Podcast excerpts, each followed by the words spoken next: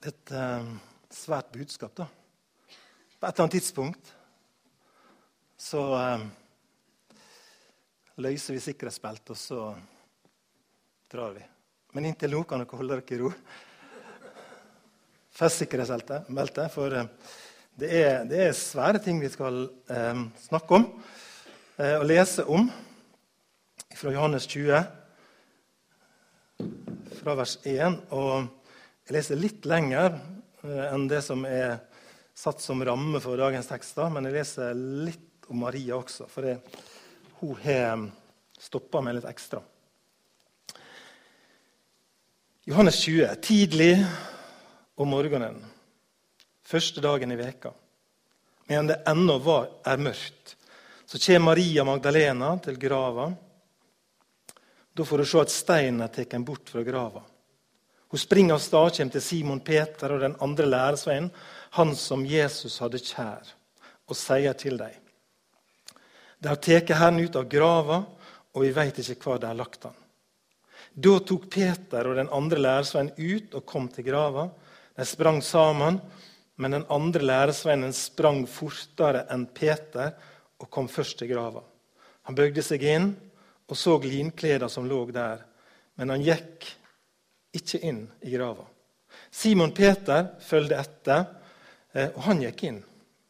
Han så linklærne som lå der, og duken som Jesus hadde hatt over hovedet. Den lå ikke sammen med linklærne, men sammenrulla på en stad for seg. Da gikk den andre lærersveien òg inn, han som var kommet først fram til grava. Han så og trodde. For ennå hadde de ikke skjøna det Skrifta sier at han måtte stå opp fra de døde. Så gikk læresveinene hjem. Men Maria sto utafor ved grava og gret. Så hun gråtende bøgde seg fram og så inn i grava, fikk hun øye på to hvitkledde engler som satt der Jesu kropp hadde lege. En ved hovedet og en ved føttene. Hvorfor gret du, kvinne? spurte de. Hun svarer, De har tatt bort Herren min, og jeg veit ikke hvor de har lagt han. Da hun hadde sagt dette, snudde hun seg og så Jesus stå der. Men hun skjønner ikke at det var han. Hvorfor gret du, kvinne? Spurte, spør Jesus. Hvem leter du etter? Hun tenkte det var gartneren og sa til han, Herre, er det du som har tatt han bort? Så si meg hvor du har lagt han, så jeg kan ta han med meg. Maria, sier Jesus. Da snur hun seg til han og sier på hebraisk, Rabuni. Det gjør meister. Og Jesus sier til henne, 'Rør meg ikke, for ennå har jeg ikke steget opp til far.' 'Men gå til brødrene mine og si til dem at jeg fer opp til min far og dykker far, til min Gud og dykker Gud.' Da gikk Maria Magdalena til læresveinene og sa til dem, 'Jeg har sett Herren.' Og hun fortalte dem hva han hadde sagt til henne. Det er skrevet bøker om Jesus sine siste ord på korset. Jeg sier ofte at han hadde sju ulike ord eller utsagn på korset. Eh, jeg er litt usikker på om det var skrevet brev eller skrevet bøker om Jesus sine første ord etter oppstandelsen. Mest sannsynlig er det noen amerikanere eller noen annen som har gjort det. Eh, ellers at Vi skal dvele litt ved, ved noe av det første Jesus sa etter oppstandelsen, eh, og da særlig i møte med Maria Magdalena. Hvorfor gret du, kvinne? er spørsmålet hun får. Det er mye som tyder på at dette her er Jesu aller første ord etter oppstandelsen. Hvorfor gret du, kvinne? I Markusevangeliet kapittel 16 vers 9 så står det sånn Da Jesus hadde stått opp at tidligere den første dagen i veka synte han seg først for Maria Magdalena, som han hadde drevet sju vonde ånder ut av. Altså Han viser seg først for henne. Eh, og Markus setter også ord på noe av den stemninga som var da den morgenen der. Stemninga som var i flokken rundt Jesus. Og Det står at de gråt, de også. Det var ikke bare en sånn damegreie å gråte. Men de gråt, de andre også. De sørga og de gråt. Eh, Og de har hatt en sånn blytung opplevelse, og det var vanskelig. Eh, og Maria er en av de som gråter. Gråten tar oss, dere, i møte med døden. Jeg har ikke planlagt det her, men jeg møtte Ivar ute i gangen. Pappa til Håvard. Og Det bare fikk en sånn flashback når jeg møtte døden i november 2019. Når Håvard døde i Israel. Jeg bare kom til å tenke på hvor sterkt gråten tok meg noen dager etterpå. Jeg hulkegråt. I sånn blytung sorg. Gråten tar oss i møte med grava, i møte med døden. Så gråter vi. Maria står utafor grava og gret. Og hva var grunnen? Hvorfor gråt hun? Jesus har ikke en eneste som har spurt om det. Eh, hun hadde akkurat svart på spørsmålet. Hun hadde fått det en gang tidligere, bare for noen nær sagt sekund eller minutt før. To engler hadde lurt på det samme. Hvorfor gråter du? Gråtende bøya hun seg fram og inn i grava og fikk se to hvitkledde engler som satt der Jesu kropp hadde lege. Um, og Så ser englene at det renner tårer nedover kinnet til Maria og spør forsiktig hvorfor gråter du. De har tatt bort Herren min, og jeg veit ikke hvor de har lagt han. Og så lurer jeg på, Var det alt? på en måte? Det var litt rart svar. Var det bare derfor hun gråt, eller var det flere ting som gjorde at Maria gråt? Gråten hadde tatt henne. Maria sine tårer det var ikke bare sorg over Jesu død, for det måtte det være. Men det var også en gråt over at um, han var borte. Hun fant han ikke. Hun visste ikke hvor han var. Eh, grava, plassen hun kunne oppsøke og sørge på. Eh, komme med blomster. eller sånn som Tradisjonen nå er at de legger steiner på gravene i Israel. Står på Oljeberget og ser nedover en gravplass der, så legger de steiner, små steiner på graven. Det var ikke noen plass hun kunne gå til eh, og komme og bli stående med sin sorg. Jeg har noen sånne erfaringer i livet sjøl. Jeg husker far min og mor mi. Og, og vi gutta boys som liksom hadde mistet en bror. Eh, foreldrene mine tok oss med til grav i stor. Jeg syns det var litt pinlig. egentlig. Da. Litt sånn flaut at der sto familien Ferstad, guttene og mor. Og jeg kan ikke huske om mor gråt, men mest sannsynlig gråt hun over et barn hun hadde mista. Der sto vi. Sang en sang på kirkegården. Litt sånn spesielt. Det var ikke så mange andre familier som gjorde det. Men familien Ferstad de gjorde det. sant? Eh, der sto vi og sørga ved ei grav. For Vi kan kjenne igjen det, det som ligger i det å, å, å møte ei grav og kjenne på gråten. De har tatt bort Herren, og jeg veit ikke hvor de har lagt han, sier hun. Hvor skulle hun gå nå med sine tårer? Um, vi kan liksom gjenkjenne det. Hvorfor gret du, sier Jesus. Og Når Jesus spør det spørsmålet, så vet han at han egentlig er svaret. Svaret er han. Han står her som svaret. Svaret står foran Maria. Han er den som kan tørke bort tårene til denne kvinna. Hun trodde at Jesus lå en eller annen plass. Noen hadde lagt han, noen hadde flytta han, uten å avsløre hvor det var. Hun så for seg at hun gråtende skulle bøye seg ned både her og der og kikke under og bakom utenkelige og tenkelige plasser for å finne mesteren. I stedet for så sto han der, levende, foran henne. Mesteren levde. Og vi vet i dag at enhver tåre som blir grått ved ei grav, ikke bare har en saltsmak i seg, men det er en, en smak av noe søtt for den som har sovna inn, den som døde i trua på Jesus. Så er det ikke bare salte tårer det er snakk om. Det er snakk om noe mer. Det er snakk om en smak nær sagt av honning. Det smaker noe liv. Det smaker håp av de tårene. Alt var blitt annerledes. Vi eier et håp om at det er en som kan lindre vår sorg, og en som kan tørke bort våre tårer, eh, våre skrik. Jeg sto også ved ei grav oppe i Trøndelag for noen år siden. Ei ung kvinne eh, døde veldig brått her i Bergen. Noen av oss reiste opp til Trøndelag og var med i begravelsen tidlig høst. Og det er liksom grava var åpen der og kista skulle senkes ned, så kom der noen sommerfugler. Jeg kjenner jeg får litt sånn frysning nesten jeg tenker på det. Men det kom noen, jeg vet ikke om det var én eller ti eh, men de flaug over den tomme grava. Sommerfugler. Kanskje var det i september. en av tidspunkt der, Og så bare var det sånn pust av håp og liv. En sommerfugl. Det er liksom symbolet på oppstandelsen. ikke det? Det som eh, var spunnet inn i en puppe, og som brister, og som løfter seg ut, og så flyger den over grava. Og så fortalte det meg noe om at det der er håp i møte med døden. Der er håp i møte med gråten Jesu første ord Hvorfor gråter du? Han kunne ha sagt noe annet. Og Det neste han sier, da, ifølge teksten vår, det er hvem leter du etter? Hvem leter du etter? Jesus stiller samme spørsmålet til Maria som han stilte i Getsemane eh, når Judas kom der. Hvem leter dere etter? Han kom der med vaktstyrken og noen menn fra overprestene leser vi, og fariseerne. De kom med fa fakler, med lamper, med våpen, og de skulle ta Jesus. Og De svarte at de lette etter Jesus fra Nasaret. Og Jesus sa, 'Er det meg de leter etter, så la disse gå'. Det var et budskap den gangen i Getsemane eh, om at var det Jesus de ville ta, så skulle andre gå fri. Han skulle straffes i stedet for dem.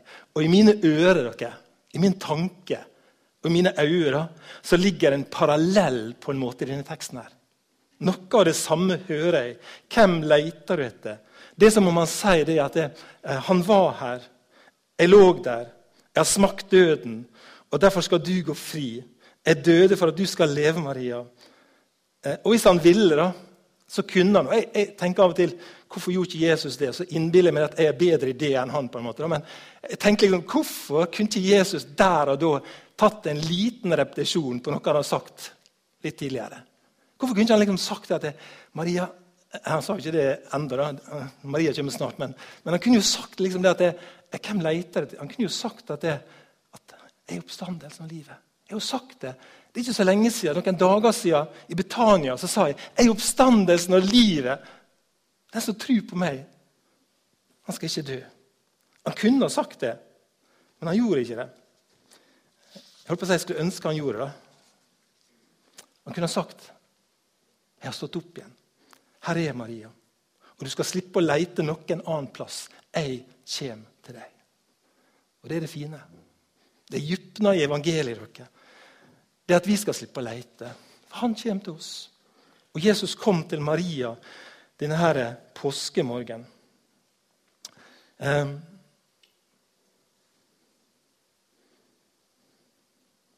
på en måte så kan vi si at hun leter etter Jesus, men uten helt å vite det. Så kan vi også si at hun, hun leter litt etter seg sjøl. Hun leter litt, Når hun bøyer seg gråtende ned og, ser inn i grava, så så hun på en måte da, etter også sitt eget døde liv. på en måte.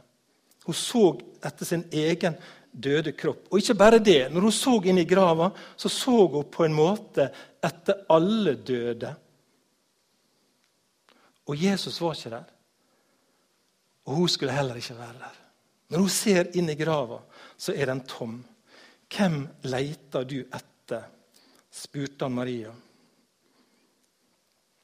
Eh, det som om Jesus sier i møte med døden, og som et ekko fra Getsemane. Er det meg du leter etter, så la disse gå.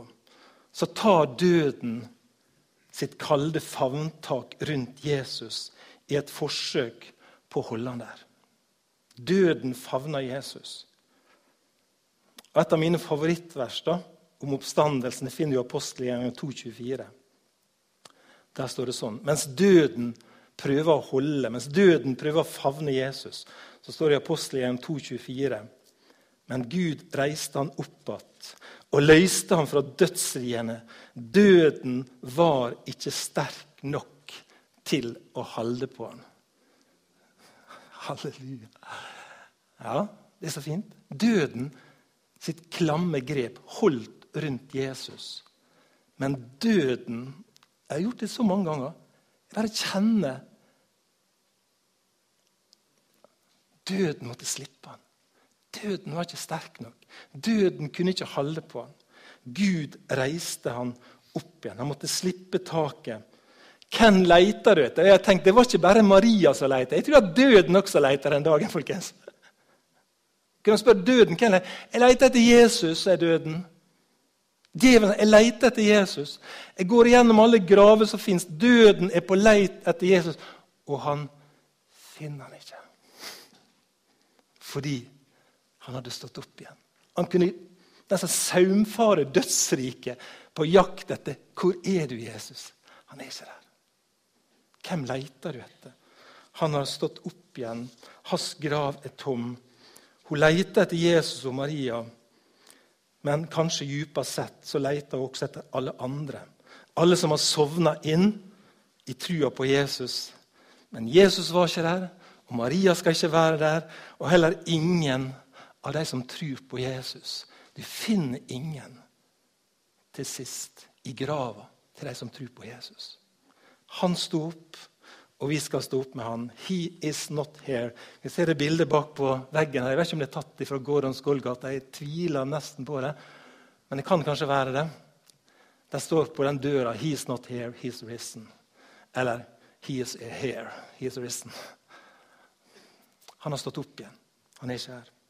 Det tredje Jesus sier til Maria, det er navnet hennes. Jesus sitt neste ord er at han bytter ut ordet 'kvinne' med hennes navn.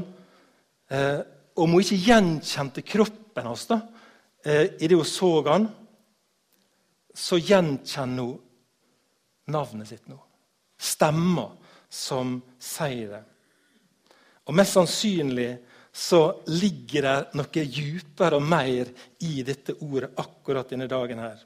Studiebibelen sier det. Sitat. Det er mulig å ytre et navn på en slik måte at alle minner veller fram. Og det var det Jesus nå gjorde. Kanskje er det sånn. Det er mulig å si et navn på en måte som gjør at ting veller fram. Det er så mye mer enn bare å høre navnet sitt. Når jeg hører Jesus si Maria slik hun gjorde, så veller det fram noe langt, langt mer enn akkurat bare navnet. Hun kunne tørke tårene sine. Hun kunne røyse seg opp. Hadde funnet den hun lette etter. Ikke slik hun hadde venta å finne han som død, men som levende oppstanden. Hun kunne slutte å lure på hvor han var hen. Hun hører sitt eget navn fra munnen til en som hun trodde hun bare skulle minnes. Det er veldig rart, og det er svært. Det var ikke gartneren som sa navnet hennes. Det var ikke Peter eller Johannes som sa navnet hennes. Det var ikke Johannes eller noen soldater eller mor til Jesus eller hvem det kunne være. Men det var han.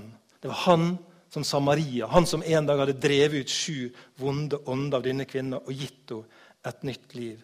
Ved å høre navnet sitt får hun livet og trua tilbake. Mesteren er tilbake. Korset var ikke det siste. Grava var ikke det siste. Jeg vet du skal legge merke til en bitte liten detalj som jeg ble oppmerksom på for en tid siden. I vers 7 i teksten som vi las, så står det. Og duken som Jesus hadde over hovedet, den lå ikke sammen med linkleder, men sammenrulla på en stav for seg. Jeg vet ikke om dette er riktig, da, men jeg syns det er oppbyggelig. da. Og det er Av og til vi fantaserer litt. da. Men det var en duk da, som lå over ansiktet til Jesus. Og den duken der står det noe om. da. Jeg har hørt eller lest eller begge deler, at det er en jødisk tradisjon når du avslutter et måltid, eller er i ferd med å avslutte et måltid, så er det to måter å legge fra seg servietten på. Duken på. Den ene måten det er å, å gjøre sånn og knørve den på en måte og legge den ifra deg. Og da sier du det at det er ferdig. Det er over. Måltidet er slutt. Men så er det en annen måte å gjøre det på. Og det er det at Når du tar den duken, så bretter du den, eller kanskje du ruller den sammen. Og så legger du den der, og så sier du Måltidet er ikke over. Og så bare kjenner jeg Yes! Jesus ruller sammen. og Så legger han den der sånn. Det er ikke over. Det er ikke over. Det fortsetter. Livet er ikke slutt. Og så er det et lite sånn Det, det ligner Jesus som kunne gjøre noe sånt. Et tegn til oss. som sier det Dette vil fortsette. Døden er ikke det siste. Det er en oppstandelse som venter. Så jeg å ta med ett lite ord til som Jesus sa denne dagen. For jeg syns det også er sånn Ja, jeg syns det er flott. Veldig flott. Jeg kunne ha lest mer om det som skjedde, og kunne sagt mer om teksten osv. Men, men eh, seinere på dagen så sier Jesus noen få ord til om kvelden når han møter dem, og 'fred være med dere', og Han sier litt forskjellig der. Eh, men så sier han blant annet det. Tilgjev det noen syndene deres, er de tilgivende.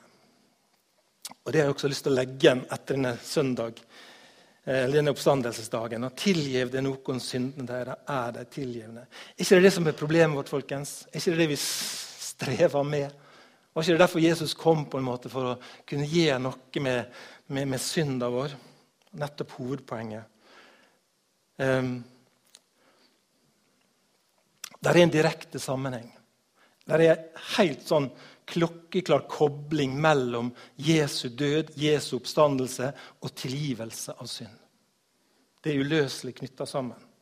I 1. Korinterbrev 15, som vi kaller for oppstandelseskapitlet, der har Paulus gående en diskusjon eh, med noen av de som hadde tilknytning til menigheten i Korint. Eh, og Det var somme som mente at det fantes ikke noen oppstandelse fra de døde. Det var ikke noen oppstandelse fra de døde. Paulus avviser en slik tanke med å si at oppstandelsen fra de døde har blitt en virkelighet i og med Jesu oppstandelse. Eh, å fornekte oppstandelsen eh, eh, for de som tror på Jesus, er det samme som å fornekte Jesu oppstandelse. Enten er det alle eller ingen. Enten har Jesus stått opp, da også det er en oppstandelse for de som tror på han, eller så er det ikke en oppstandelse. Det er uatskillelig. Og I samme avsnittet i, i 1. Korinter 15 eh, så sier han da at eh, vers 17.: Men har ikke Kristus stått opp? Da er trua deres meningsløs, og det er ennå i syndene deres. Altså, har ikke Kristus stått opp, er trua meningsløs, totalt meningsløs, og det er ennå i syndene deres. Hadde ikke Jesus stått opp satt vi fortsatt fast i synda. Uansett.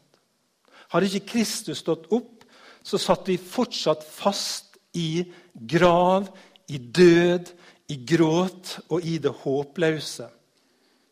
Da hadde vi gått rundt fortsatt og spurt etter eh, hvor han er. Vi hadde fortsatt å leite. Men nå sier Jesus du sitter ikke fast i synda. Du sitter ikke fast i grava, men ved trua på Jesus så sitter du fast i nåden. Du sitter fast i tilgivelsen. Det er det som er grepet om ditt liv. Jeg vet ikke hva slags tonefall eller hva slags kroppsspråk Jesus hadde når han sier disse ordene, men jeg tenker meg at når han sier det, så er det med en slags sånn overveldende kraft, tror jeg. En sånn boblende glede og en kraft og en trygghet som ingen hadde hørt før. Om det skulle herske noen som helst tvil om at menneskesønnen hadde makt til å tilgi synd, og at det var mulig å få tilgitt synd, så var den vekke nå. Den tvilen var vekke for alltid. Men nå står det at eh, og vi veit altså Han har blitt spytta på, han har blitt håna, han har blitt piska. Han har båret alle synder på sitt legeme på korstreet. Han har blitt spikra fast. Og Der ble han værende til Guds dom og vrede ramma Jesus så brutalt som vi bare kan ane en bitte liten del av. Og Han veit eh, at han har sona alle synder. Han veit at Gud er fornøyd. Han vet at Gud er fornøyd fordi han reiste han opp igjen fra de døde. Bekrefta dette her er godkjent. Dette er godkjent. Alt er gjort. Og Derfor vet han det, at nå er det også tilgivelse for synd.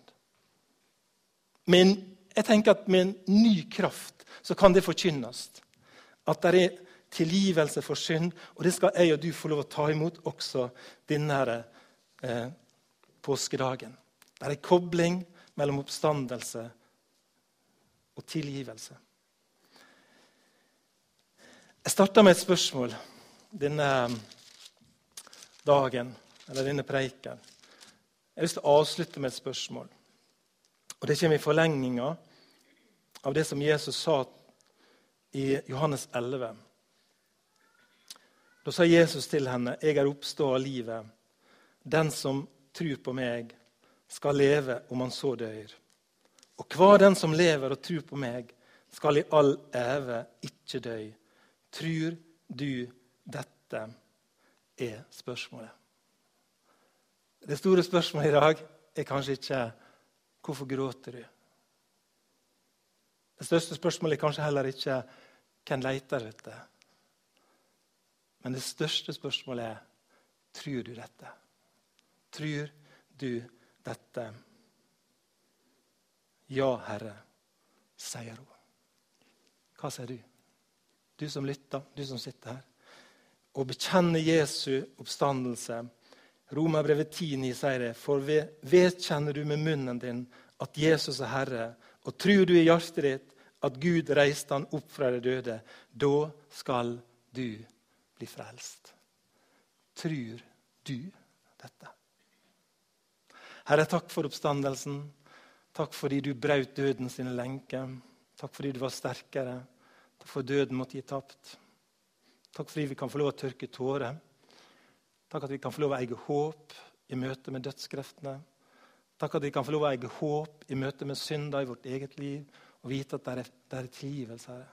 Det er nåde. I Jesu navn denne formiddagen renser du oss på grunn av din oppstandelse. Og vi får lov å ta imot det. Så har vi lyst til å bekjenne, Herre, vi tror at du er Jesus, Messias. Vi tror at Gud reiste deg opp fra de døde. Det er vårt håp. La oss få lov å leve det håpet ut i hverdagen. Det ber vi deg om. Og hele folket, de sa